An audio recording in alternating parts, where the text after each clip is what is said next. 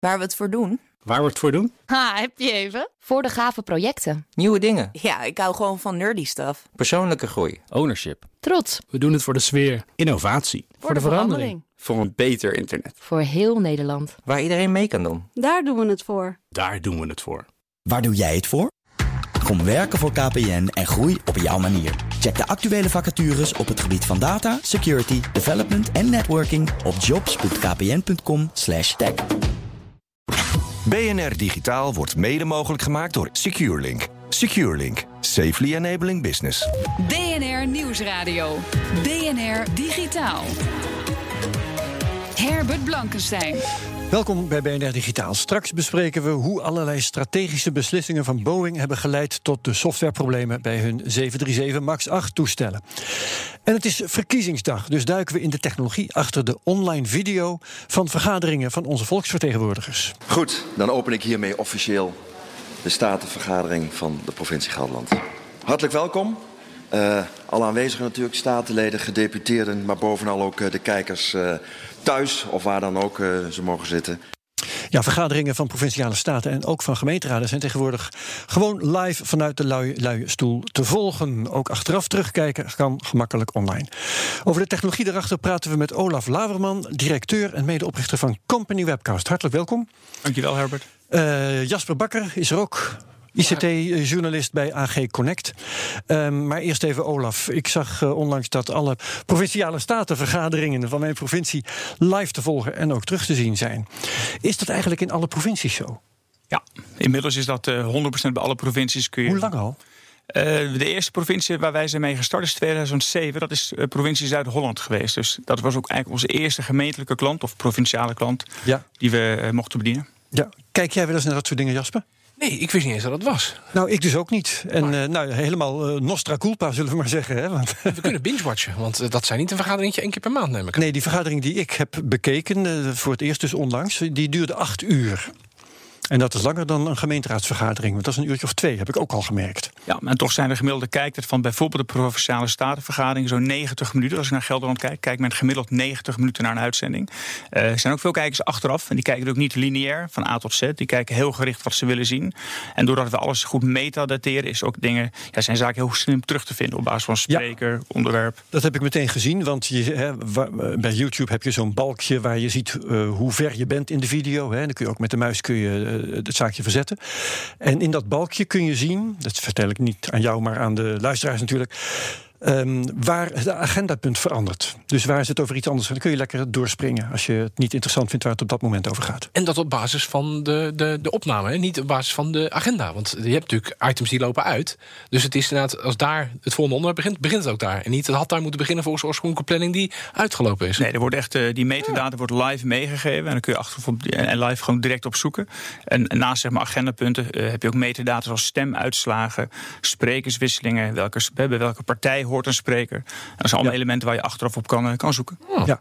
Is dat, uh, wordt dat ingetypt door iemand die daar zit of hoe werkt dat precies? Nee, het mooie van het systeem is dat uh, het vrij veel uh, is geautomatiseerd. Dus hm. het enige wat je hoeft te doen is een start- en een stopcommando te geven. Ja. En agendawisselingen door te geven met een, met een druk op de muisknop. En al het andere, het, het laten zien in beeldtoon van de juiste spreker.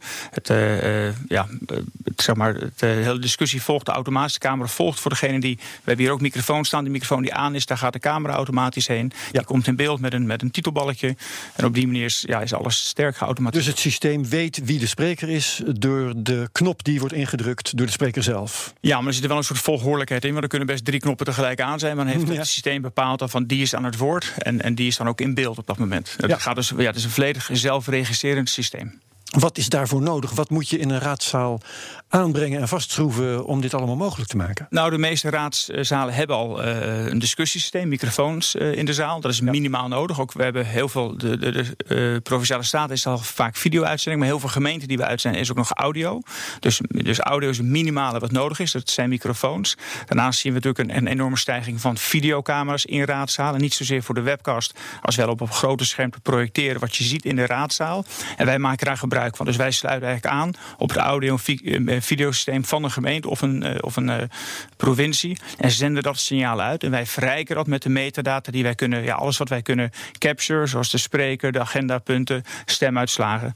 Die proberen wij te, te ja, in ons systeem te halen en indexpunten mee te geven. Ja, dus je, wat je aan moet brengen, dat is camera's en dergelijke. Ja. Um, enig computerapparatuur en verder vooral software, stel ik me Het is allemaal software. Wij, wij, wij, installeren een encoder op locatie. In die encoder gaat het camera- en videosignaal. We gooien een internetlijn in en alles is vervolgens online te doen. En dat is ook helemaal geen ingewikkeld systeem. En uh, ja, als het ware de, de medewerker van de Griffie kan dat systeem volledig bedienen door op een start en stop te drukken. Ja, ja. Uh, er was één ding wat mij opviel. Uh, in ieder geval Gelderland, waar, waar ik me in heb verdiept, wat volgens mij beter kon. Ehm, ik dacht op een gegeven moment, ja, welke stukken horen eigenlijk bij wat ik nu volg? En toen vond ik op de pagina waar die video stond, vond ik wel een link naar oké, de stukken maar dat gold dan over de hele vergadering, die staan hier.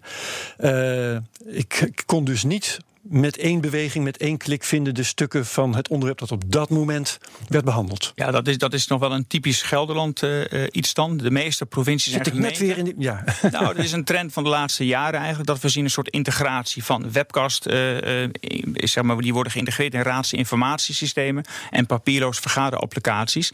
Waar al die elementen te vinden zijn. Dus sommige gemeenten plaatsen ook de documenten in ons systeem. Maar dat is eigenlijk niet logisch, want ze hebben al een systeem waar ze alles in plaatsen. Wij integreren naadloos met al die systemen. Mm -hmm. Maar toevallig Gelderland heeft nog twee systemen naast elkaar. Een raadsinformatiesysteem en een webcastsysteem.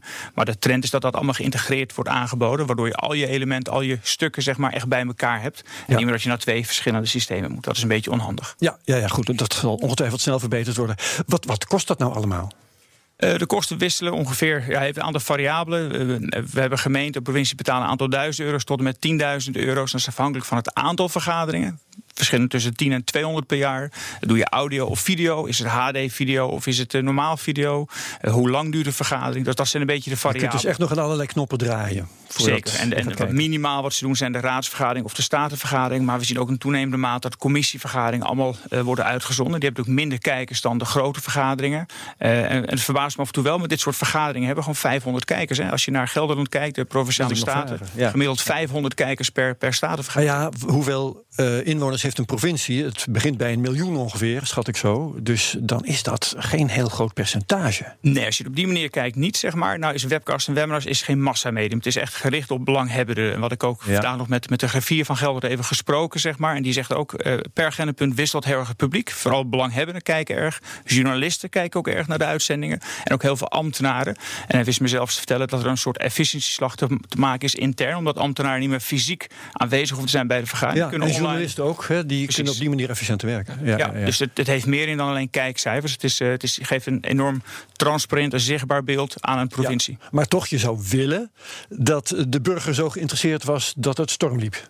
Ja, het is in ieder geval nu heel makkelijk gemaakt. Dus met één druk op de knop kan de burger meekijken in de huiskamer van de provincie of de gemeente. Ja, en je kunt ook tegen de burgers zeggen trouwens, dat doe ik dan bij deze meteen maar eventjes. Uh, je, kunt niet, uh, je kunt niet volhouden dat je niks weet van de provincie, want je kunt het allemaal volgen. Precies, en sommige uitzendingen hebben ook echt duizenden kijkers. Ik geloof dat onze top wel eens uh, 10.000 kijkers zijn geweest. Van, maar oh, dat zijn een incident. Wat was er dan aan de hand? Ja. wat, wat was het onderwerp? Nee, ik herinner me één keer bij de, nou wel een beetje in die regio, Haren. het Facebook, oh, Facebook Project ja. X. Dat, dat heeft heel veel doen, stof doen opwaaien, waarvoor mij het rapport werd aangeboden.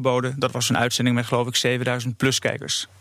Ja, um, maar goed, de, de, de, kosten, de vraag daarover heb je bekwaam ontweken. Um, ik begrijp ook wel dat het van veel factoren afhankelijk uh, is. Oh, ik dacht om maar... het antwoord te hebben. Ik zei een aantal duizend euro's oh, tot 10.000 euro's. Dus dat oh, is pardon, neem van, van, uh, Het was wel een breed bereik, maar... Ja, ja, ja. ja maar, maar we, we, hebben, we hebben inderdaad uitzendingen, uh, gemeenten die 10 uitzendingen doen. Alleen audio tot en met ja, HD, video, 200, 300 uitzendingen per jaar. En dat maakt nogal een verschil. Want waar ja. gaat het materiaal eigenlijk heen? Hè? Want HD-video of, of 4K, dat, dat, eh, opslag is goedkoop, maar dit kan nog wel aantikken. Vergaderingen van 8 uur, uh, 20 Precies, per maand. Ja. Uh, dat staat allemaal bij jullie. Uh, hoe hou je dat in de klauwen? nou, wij werken met in de cloud uiteraard en hebben daar goede afspraken over met onze provider. Oké, okay. oh, interessant. Maar er is veel materiaal. Ja, dat moet ook vanwege de archieven ook lang bewaard worden. Dus wij bieden ook de mogelijkheid om het gewoon offline te halen met alle metadata erbij. Dat gemeenten dat goed kunnen archiveren, zodat het over 20 jaar nog steeds benaderbaar is. 20 jaar, dat is de termijn waar je het over hebt, of dat is een minimum? Archiefwet is voor mij, moet je het gewoon bewaren. Voor mij is dat, is dat niet aan, aan de jaren. Uh... Nee, zolang de wet bestaat. Hè? Ja, precies. Ja. ongeveer waar het dan op neerkomt. Zeg, um, maar er kan dus gekeken worden. Kijk je nu naar de Tweede Kamer, dan is elke politicus zich bewust van de camera's. En sterker nog, ik heb wel eens de indruk dat daar niks meer gebeurt wat niet bestemd is voor de camera's. In plaats van voor wat er in die zaal gebeurt. Ehm, ik heb gekeken naar gemeenteraadsvergaderingen en naar provinciale statenvergaderingen. En ik stel vast dat het daar nog heel gemoedelijk is. En mensen vragen daar nog iets aan een gedeputeerde bijvoorbeeld, omdat ze het willen weten. Ja. En niet omdat ze willen dat het in de krant komt. Of, Ehm, of showen aan de achterbank, kijk mij eens vragen stellen ja. over het onderwerp. Nou ja, dat- maar dat- niet doorvragen, want ik heb het niet ingelezen. dat zie je dus niet. Nee. In de pro- in provinciale staten. Maar is er al een begin te merken van een verandering? Dat men daar camera bewuster wordt? Nee, sterker nog, het wordt juist minder, want de camera's zijn heel klein tegenwoordig. Ik zie hier ook aan Ja, de maar dat camera's maakt niet uit. omheen. Het gaat om de impact natuurlijk die het eh, feit heeft dat die camera's daar zijn. Ja, maar omdat wat je net zei, de kijkersaantallen zijn niet zo dat je op, je s'avonds op, op nieuwsuur terugziet. Hè. Dus, dus de, de, de, de bewegende Nog niet. motieven zijn anders dan denk ik de landelijke politiek Ja. in de Tweede Kamer. Wat ik wel merk, en ik, ik kreeg dat ook teruggekoppeld van de griffier van Gelderland vandaag. Die zei van het heeft wel een effect hoe eh, staat er te kijken naar terug. Hoe ze overkomen. hè. Heeft iemand zijn handen in de zak, continu dan? Ja, Ja. dan zegt ook veel, dat is niet Dat zo wel goed. die das recht zit. Ja, Nou, lichaamstaal. Precies, lichaamstaal zegt heel veel. Dus, Ja. dus eh, het wordt wel gebruikt voor, nou niet echt mediatraining, maar men heeft een goed beeld van hoe je overkomt eh, Ja. door die beelden terug te kijken. En ehm, de kijkdichtheid, als je het zo mag noemen, neemt die wel toe de laatste tijd? Wij zien een enorme toename in, in, het, in het bereik, Ja. zeker. Ja. Dus dan gaan we toch ook verwachten dat men daar zich in die vergaderingen camerabewuster gaat gedragen. Zou kunnen. Het heeft ook te maken met hoe gemeente en provincie het aanbieden. Soms moet je zes keer klikken nog op, op gemeente en provinciehuis om erbij te komen. Is het echt een onderdeel van de griffie? Eh, eh, wij adviseren ook, zet nou bijvoorbeeld bij een live uitzending, zet het gewoon op je homepagina. Wij zouden ook kunnen zeggen, hey, wij, wij, wij, wij houden natuurlijk bij wanneer sprekerswisselingen er zijn. Dat kan duiden op een leuk debat. Ja. Dus bijvoorbeeld bij heel veel sprekerswisselingen kun je misschien dat nou ja, aankijken. van, Jongens, bekijk nu het debat. Want we merken dat er misschien wel twintig sprekerswisselingen zijn in een minuut. Wat zijn eh, de volgende innovaties die we kunnen verwachten? Wat nu heel erg hot is, eh, ondertitelen, het geautomatiseerd ondertitelen van dit soort vergaderingen. Om zeg maar, de vergadering ook echt toegankelijk te maken voor eh, mensen die doof zijn of slecht, slechthorend zijn. Ja. Dat, dat is een enorme trend eigenlijk. eh, waar we heel erg mee bezig zijn, wat we nu ook al aanbieden. Zelf tot live ondertitelen aan toe. En ook de meer interactiviteit inbrengen. Niet bij de raadsvergadering, maar we zien gemeenten eigenlijk steeds meer ja, webinarachtige uitzendingen doen. Waarbij het publiek ook echt vragen kan stellen, deel kan nemen aan poll, et cetera. Ja, Voor bijvoorbeeld de omgevingswet. Dat is leuk. Nou, we hopen op een eh, eh, scherpe piek na deze uitzending van BNR Digitaal in het eh, kijken naar dit soort vergaderingen. Dankjewel, Olaf Laverman van Company Webcast. Boeing zit in zijn maag met een softwareprobleem van hun 737 MAX 8 toestellen. Dat bespreken we zo. BNR Nieuwsradio. BNR Digitaal. Welkom terug. Boeing zit in zijn maag met hun 737 MAX 8 toestellen. Ongevallen met dit type zijn mogelijk te wijten aan een probleem met de software. De openbaar aanklager in de VS is inmiddels een onderzoek begonnen. En in Europa mogen de vliegtuigen pas weer in de lucht als de vliegtuigbouwer voldoende garanties kan geven, wat dat ook mogen betekenen. Bij mij Jasper Bakker, ICT-journalist bij AG Connect. En Olaf Laverman, directeur medeoprichter van Company Webcast, is er ook nog bij. Jasper, ehm, is het nou een probleem met de software of is het de sensor die de software van informatie voorziet? Want eh, dat lees ik. Ja, kan ook het geval zijn. Dat weten we nog steeds niet helemaal zeker. Het is of een sensorprobleem, de sensor heeft verkeerde data door, of een softwareprobleem, de data wordt verkeerd geïnterpreteerd. Maar dit, laten we het even een computerprobleem noemen, is een oorzaak, maar ook een gevolg. Eh, leg uit. Nou, eh, er is een, keten, en eh, luisteraar, ga er even voor zitten. Er is, heb ik gezien aan de artikelen van collega's bij Se- Seattle Times, de thuishaven van Boeing en een aantal andere onderzoeksjournalisten. Er is een hele keten aan beslissingen genomen binnen Boeing, eh, waarvan elke beslissing weer een gevolg had. En uiteindelijk is dat uitgekomen op dit, dit computersysteem, wat niet Mhm. een autopiloot is, maar een bijstuursysteem, wat actief is als de autopiloot niet actief is. Het gaat om eh, die sensor die detecteert of de neus van het vliegtuig omhoog of omlaag wijst ten opzichte van de luchtstroom. Ah, of, of de neus te stijl omhoog gaat. Want als een vliegtuig te stijl omhoog gaat, dan verliest hij de draagkracht onder de vleugels. Ja, stalling. Wat gebeurt als je geen draagkracht hebt? Nou ja, dan stort je neer. Hm? Dat is natuurlijk een situatie die je wil vermijden. Dit bijstuursysteem meet op basis van die ene sensor of de neus te stijl omhoog gaat, zodat er verlies van draagkracht kan dreigen. En dan gaat het automatisch naar beneden bijsturen. Wat er dus gebeurt bij Lion Air en waarschijnlijk ook bij Ethiopian Airlines... is dat de sensor dacht dat het toestel te stijl ging, terwijl het niet zo was. Het was dus horizontaal. En dan ging de neus ten En onrechte de neus omlaag. ging dus naar beneden. In plaats van minder omhoog, ging die echt omlaag omlaag. Eh, bij Lion Air hebben de piloten 24 keer nog omhoog te trekken. Maar elke keer dat je omlaag gaat en een beetje omhoog trekt... je komt elke keer lager uit. Dus op een gegeven moment is de grond onvermijdelijk. Vreselijk, ja, ja, ja. Maar goed, die keten, eh, eh, of, die, die, die, die duikvluchten van 24 keer... is dus zeer waarschijnlijk veroorzaakt door die verkeerde sensor... of verkeerde interpretatie van de sensordata. Maar één sensor, dat is toch niet des luchtvaarts? Ik, ik, Ik roep, nee, ik roep dan al wil je backups. Hè? En, ja. Precies, en dubbel uitgevoerd en driedubbel. En dan bij twijfel hebben heeft de meerderheid Zeker. gelijk. Eh, dat is hier niet het geval. En dat lijkt er, ja, het lijkt er heel erg veel op dat dit dus een gevolg is van een hele keten beslissingen. Boeing is begonnen met de economische beslissing. We moeten reageren op de Airbus, de A320. We moeten efficiëntere motoren onder doen, want brandstof duur, eh luchtvaartmaatschappij zit er niet op te wachten. Daarbij is ook de economische beslissing genomen. We houden vast aan de romp van de 737. Een toestel wat oorspronkelijk uit de jaren 50 komt. Ja. Waar al vele vernieuwingen en nieuwe versies van zijn geweest. Maar als je dat toestel vernieuwt, hoeven piloten niet helemaal opnieuw getraind te worden op een nieuw toestel. Ja. Het is zeg maar bijscholing op een variatie van een bestaand toestel. Alleen die efficiëntere motoren waren ook krachtiger en waren ook groter. Daardoor, door het besluit van we houden vast aan die romp en we nemen betere motoren, kwamen de motoren te dicht op de grond voor de regels van afstand tot het asfalt. Dus zijn de motoren onder de vleugel naar voren en niet naar boven gemonteerd.